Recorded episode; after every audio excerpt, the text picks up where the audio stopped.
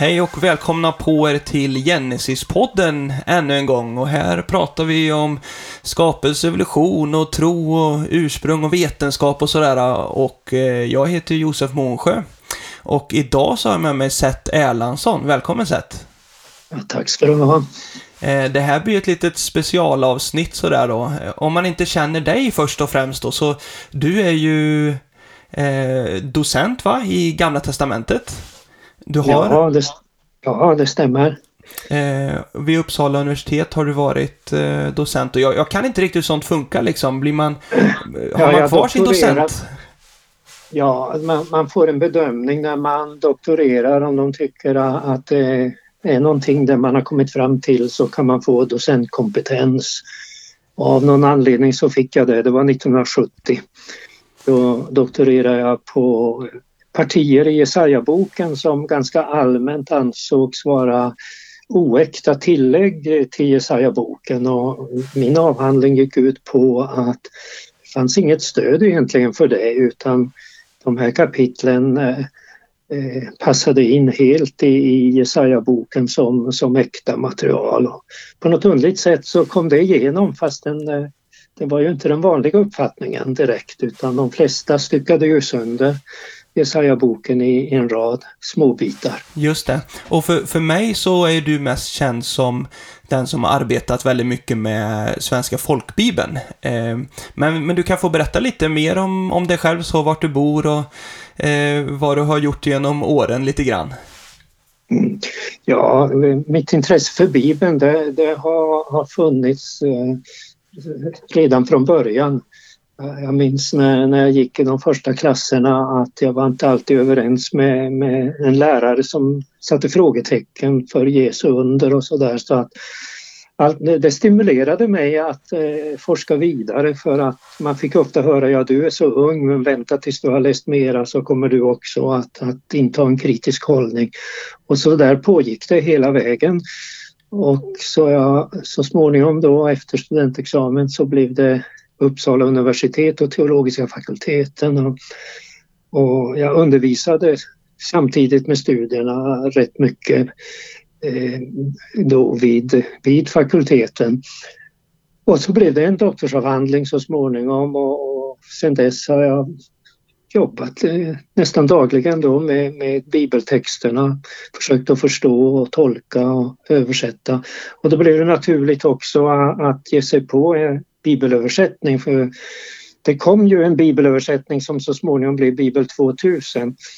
Och när man skrev om hur man skulle arbeta då på 60-talet så såg man att det var den gängse bibelkritiska synen som, som skulle domineras så att vi blev tveksamma att den här översättningen den, den, behöver nog kompletteras med en, en mera bibeltrogen översättning. Och så växte Svenska folkbibeln fram så småningom. Just det, och nu, nu för tiden bor du i Västerås va? Pratade vi om förut. Ja, sen, sen eh, 90 så bor jag i, i Västerås. Och då när jag kom till, att jag flyttade till Västerås var att jag fick ett lektorat vid Rudbeckianska gymnasiet och det trivdes jag väldigt, väldigt mycket med. Men nu är jag ju pensionerad och jag närmar mig ju eller kommer ju att fylla 80 det här året så att jag är en gammal man. Ja, då får jag gratulera i förskott här också då. ja, tack ska du ha.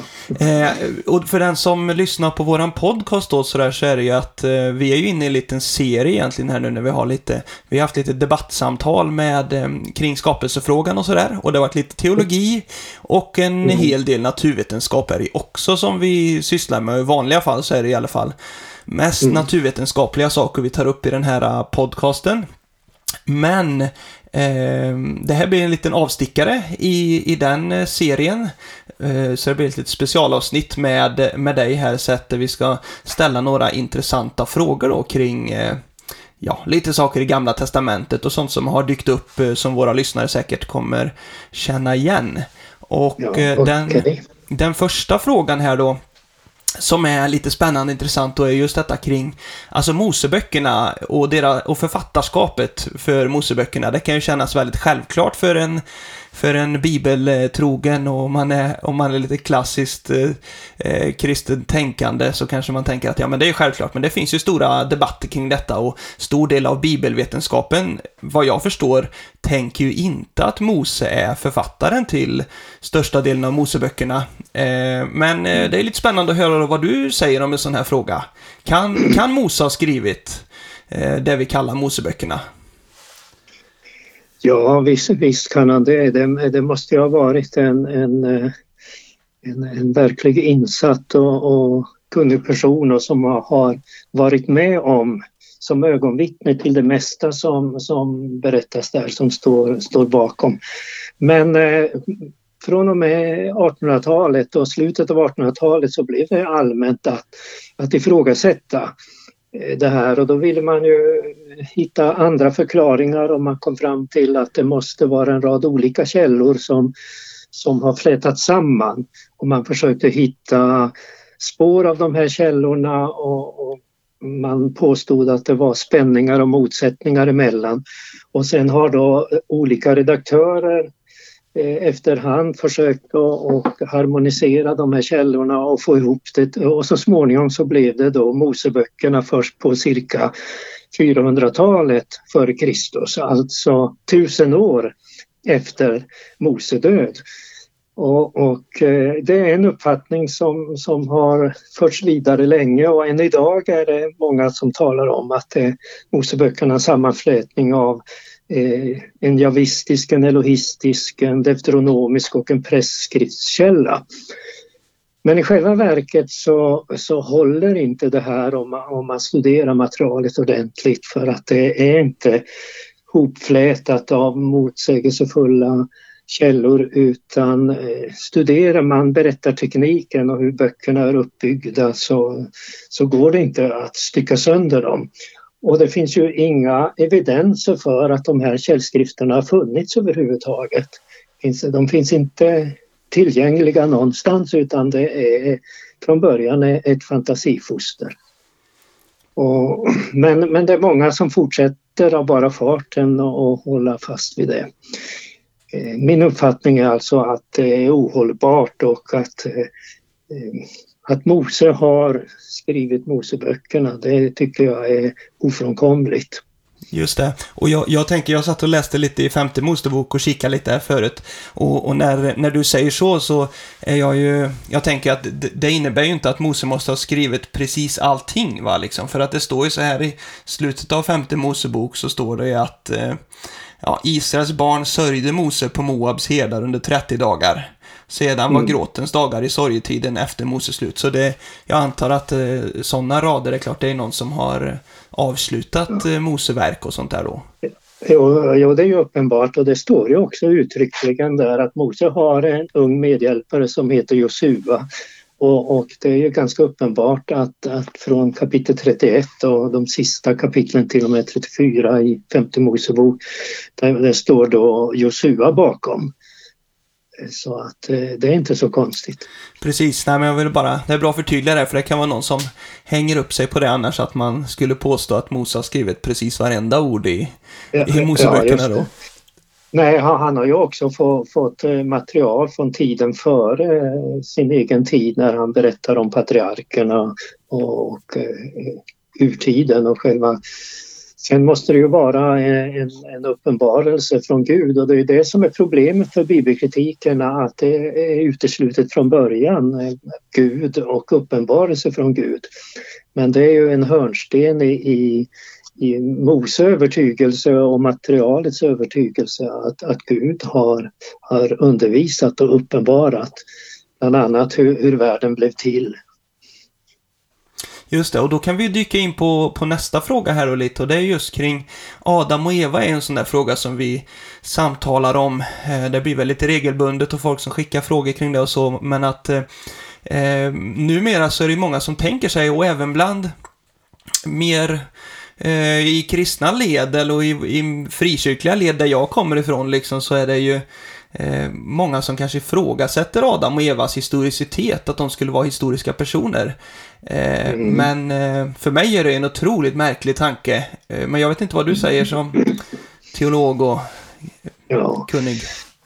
Jo, men det, det, är ju oerhört eh, grundläggande. Själva skapelsen är ju, går ju inte att förklara utifrån eh, naturliga orsaker vad som sker nu efter att skapelsen finns där utan eh, ja, om, om man försöker det då blir det att skapelsen har skapat sig själv på något vis och sen har det utvecklats fram. Och, och det, det, är ju oerhört eh, problematiskt men huvudpoängen i, i texterna är ju att allt som skapades det är då underverk genom Guds under och det hela börjar med, med att av stoft från marken så skapas en människa, Adam. Då Adam. Och eh, så, så börjar hela människosläktet. Och vi hade även uppe lite i våran podcast här tidigare att eh, alltså det finns ju vissa personer i Bibeln som nämns som är lite eh, märkliga kanske då. Det är ju Nya Testamentet, men det står om Jannes och Jambres bland annat. Alltså, eh, och vi har pratat lite om detta att kan Bibeln, finns det i Bibeln personer som inte är historiska liksom? Finns det fik fiktiva mm. personer i Bibeln och sådär? Jag vet inte vad du mm. säger kring sånt? Ja, eh, ja, vi har inga uppgifter i Bibeln om att, att eh, de magiker som utmanade Mose när Mose visade att han var sänd av Gud och, och, och gjorde undergärningar, då hade ju egyptierna också magiker till förfogande som kunde göra vissa, vissa märkliga ting. Och eh, judarna har ofta funderat och spekulerat eh, kring de här frågorna. Då har de satt namn på två av de här magikerna och, och, och kallat då en av dem för Jan, Jannes och den andra för Jambres. Och, och, och, det är ju ingen uppgift eh, i Bibeln. Vi vet inte vad de här magikerna hette och det, det är ju inte av något intresse heller. Men att magikerna var riktiga personer som, som eh, farao använde sig av och som, som opponerade sig mot Mose och försökte kullkasta de bevis som Mose la fram, det, det är ju helt uppenbart. Så det innebär ju någonstans att i, i slutändan så handlar det ju åtminstone om historiska personer som omnämns, även om vi inte kan veta fullt ut deras namn då. Visst, magikerna var ju, och det, och det känner vi till även eh, från utombibliska källor att det var ganska vanligt med magiker i, i bland annat Egypten. Så, så det är inte konstigt, men vi vet inte vad de hette. Men, men det finns eh, judarna, i judiskt material så finns det flera märkliga spekulationer och en, och en del väldigt eh, tveksamma, tveksamma saker. Man har spekulerat till exempel att Adam hade en tidigare hustru som hette Lilit och sådana där saker. Och det, det finns inget stöd för det i det bibliska materialet. Just det.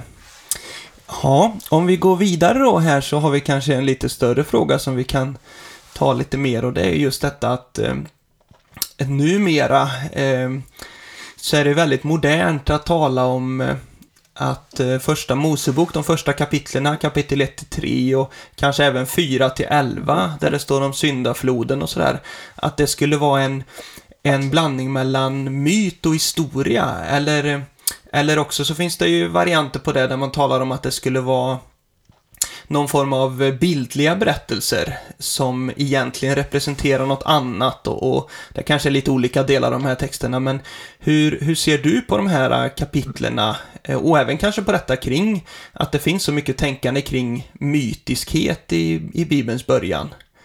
Mm.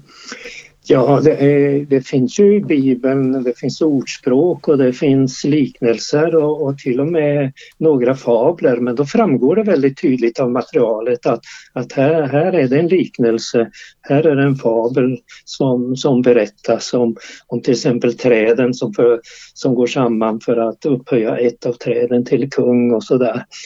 Så att eh, då ser man skillnad. Men när det gäller Eh, materialet i Moseböckerna och den så kallade urhistorien, då kapitel 1 till och med 11, så är det historiskt material, berättande material vad som, som verkligen har hänt eh, och vad, vad Gud har gjort. Det är liksom helt grundläggande. Men bibelkritiken har ju försökt få fram att, att eh, de här tidiga kapitlen de har utnyttjat eh, en del myter från olika håll. En skapelsemyt som heter Onima Elish har man försökt säga har påverkat berättelsen om skapelsen och, och Gilgamesh-eposet eh, som också berättar om en syndaflod har också påverkat då berättelsen i Bibeln om syndafloden. Men eh, detta, Eh, detta stämmer inte utan eh, det är inte myter som, som föreligger i, i det här materialet. Det finns en, en man, eh, en finlandssvensk som heter Tore Jungerstam som har analyserat texterna väldigt noggrant och, och jämfört med olika myter och, och, det bibliska materialet och väldigt tydligt visat att man kan inte säga att, att det föreligger myter i de här kapitlen. Just det, utan du menar ju att det är en, en helt klart en historisk skildring av verkliga händelser. Ja, det, det, är helt uppenbart att det är det. Sen är det alltid så då att en människa tänker, ja, men kan jag tro på detta? Kan jag tro att Gud har gjort detta? Kan jag tro att det verkligen hände? Det, men det är en annan fråga och vad vi kan tro eller inte tro det, det, det får vi hålla åt sidan utan det måste vi redogöra för vad säger det här materialet och vad vill det vara? Vill det vara myt? Vill det vara historiskt? Vill det vara eh, san, sanning? Och, och det, det, är oerhört klart att det, det är vad det vill vara. Eh, om jag går dit utanför vårt manus här nu och sett så, alltså det finns ju andra delar i skapelseberättelsen, eller specifika delar i skapelseberättelsen, som till exempel ormen i, i lustgården då som, eh, eh, som får Adam och Eva att synda och, och även kanske mm. kunskapens träd om gott och ont och eh, livets träd eh, och sånt där som Alltså mm. de sakerna är givetvis lite eh, märkliga. Man har svårt att förstå. Mm. Till exempel, det står ju egentligen inte, på ett vis står det ju inte om djävulen i eh, syndafallsberättelsen där. Det står om ormen som hade, mm. som hade ben ja. och sådär. Ja. Nej, man, eh, det kommer ju fram efterhand här så tydligt att eh, om Gud säger en sak, den dag ni äter det ska ni döden dö. Det vill säga, ni ska inte hämta sanningen om vad som är rätt och fel vad som är gott och ont från något annat håll så därför ska ni inte ta det där trädet med kunskap om, om gott och ont. Underförstått, ni ska hämta sanningen om vad som är rätt och fel, gott och ont bara från mig. Men om ni vänder mig ryggen och, och tar av detta så, så kommer, ni, kommer ni att dö. De säger ju ormen där, ni ska visst inte dö. Utan eh, i sak blir, menar han att Gud har fört det bakom ljuset. Han vill dölja eh, vad, att han inte vill att ni också ska bli eh, som Gud, någonting sådant. Och då röjer sig ju ormen att, att det är en ond oppositionell makt som talar via ormen. Som, som, så ormen blir alltså en förespråkare för, för den den här makten. Och Bibeln säger inte så mycket hur kom den här makten till? Det finns andra ställen som, som framhåller det att det har skett, att Gud har också skapat himmelska andeväsen och att det har skett ett syndafall i den himmelska världen. Och ledaren för den kallas ju då för förföraren eller på grekiska diabolos, alltså vårt ord djävul. Och, och han, eh, hans uppgift är att, att opponera emot och gå emot och motsäga Gud ständigt. Och det är ju vad, vad då ormen ger uttryck för.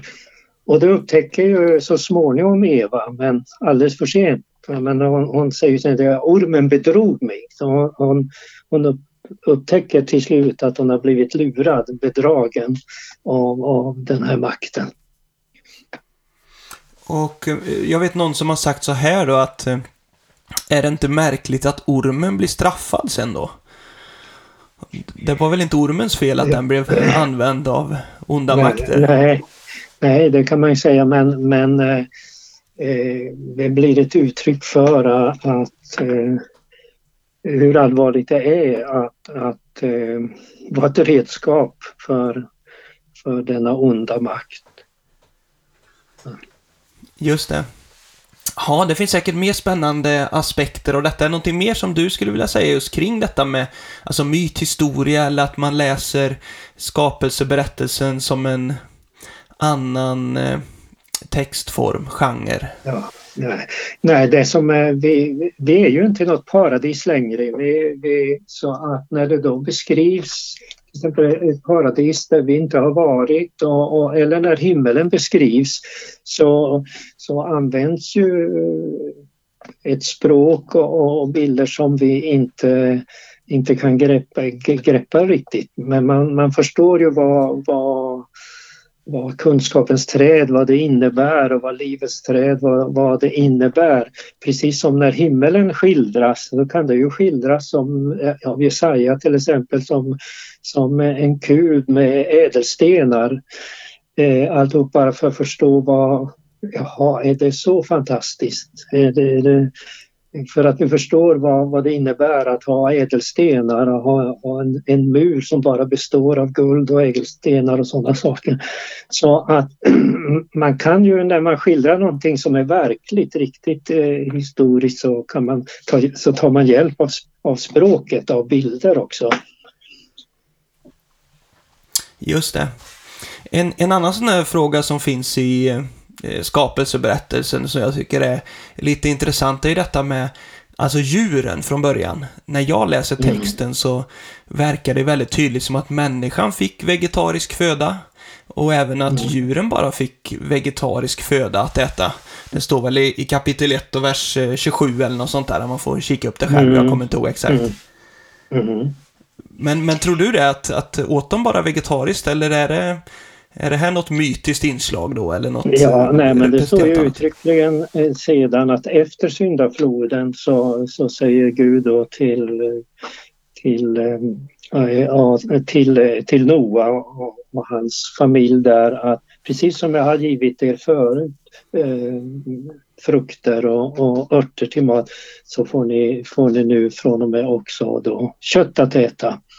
Också. Så från och med eh, Första Mosebok 9.3 där så berättas ju om då att, att man, man lämnar den vegetariska eh, att det bara äta vegetariskt. Att det,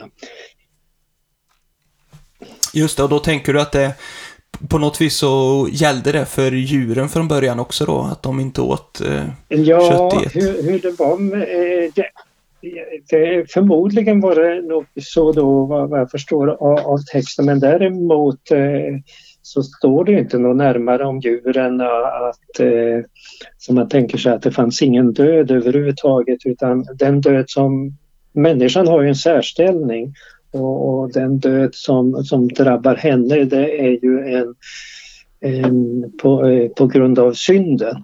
Medan ju djuren eh, agerar ju eh, mera utifrån instinkter och inte ställda på samma sätt un, under Guds bud som människan är.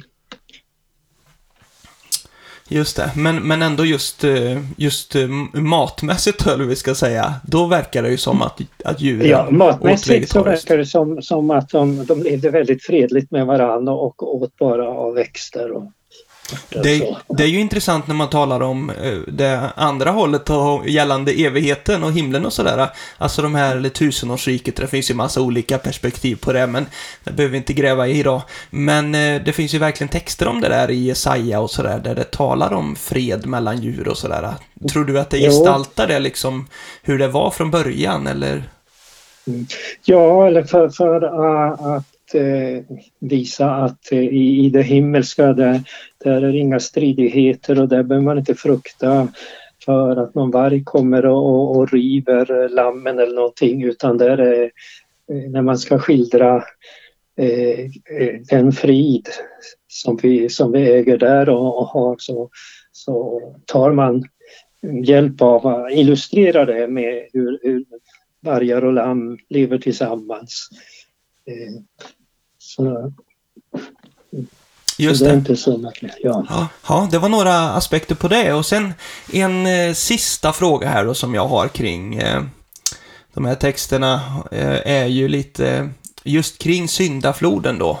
Den här berättelsen mm. om, om en mm. översvämning och Noa bygger en ark och detta och eh, mm. står ifrån kapitel 6, 7, 8 i första Mosebok eller något sånt här. Mm. Eh, mm. det är ju också vanligt idag, och du var inne lite på det förut, men att många tänker ju att detta är någon form av mytisk berättelse eller att det bara mm. berättar en lokal översvämning. Eh, mm. vad, vad menar du att eh, texterna säger? Ja, texterna säger ju tydligt att det är en världsvid eh, jättekatastrof, den största i världshistorien. Och, och det är rätt underligt att, att eh, även om man inte läser Bibeln så, så syns ju märken av den här världskatastrofen över hela världen. Så det är därför som man, när man då inte tror på detta, så måste man komma upp med, med något helt annat. Att under, under väldigt långa tidsperioder så har, har, det, eh, har fossil bildats som, som Medan ju då det vi ser är en väldigt naturlig följd av, av en snabb, stor, eh, under ett år en sån här jättekatastrof som är eh, världsvid. Och att, att Bibeln eh, skildrar det inte som en lokal översvämning utan som, som en världsvid som drabbar hela jorden. Det står, det står ju oerhört tydligt. Och sen har det ju en bakgrund då att ondskan på jorden blev ju så oerhört stor. Det växte, det blev värre mer och mer. Det var våld och, och, och, och syndighet på alla möjliga sätt. Jag sitter för närvarande på och jobbar med en artikel om, om hur, hur det skildras det här i Bibeln som bakgrund till syndafloden. Så att eh, eh, Gud griper in här och, men han har ju sedan lovat att någon sån här syndaflod ska inte komma igen. Just det. Och eh, en sån där sak som vi brukar prata om i, i Genesis emellanåt är ju detta att det finns otroligt mycket såna här eh, syndaflodsberättelser runt om eh, på jorden. Och det ja, är en precis. väldigt intressant grej liksom, för att eh, varför skulle det göra det om det inte var en världsvid översvämning?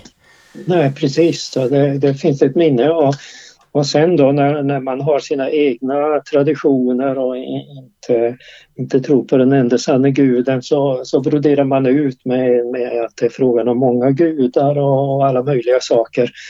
Men man ser vilka skillnader det är mot den bibliska berättelsen. Så om man går till gammalt sumeriskt material så, så är arken någonting som aldrig skulle kunna flyta. Så det har helt andra mått och former som, som inte, skulle, eh, inte skulle fungera.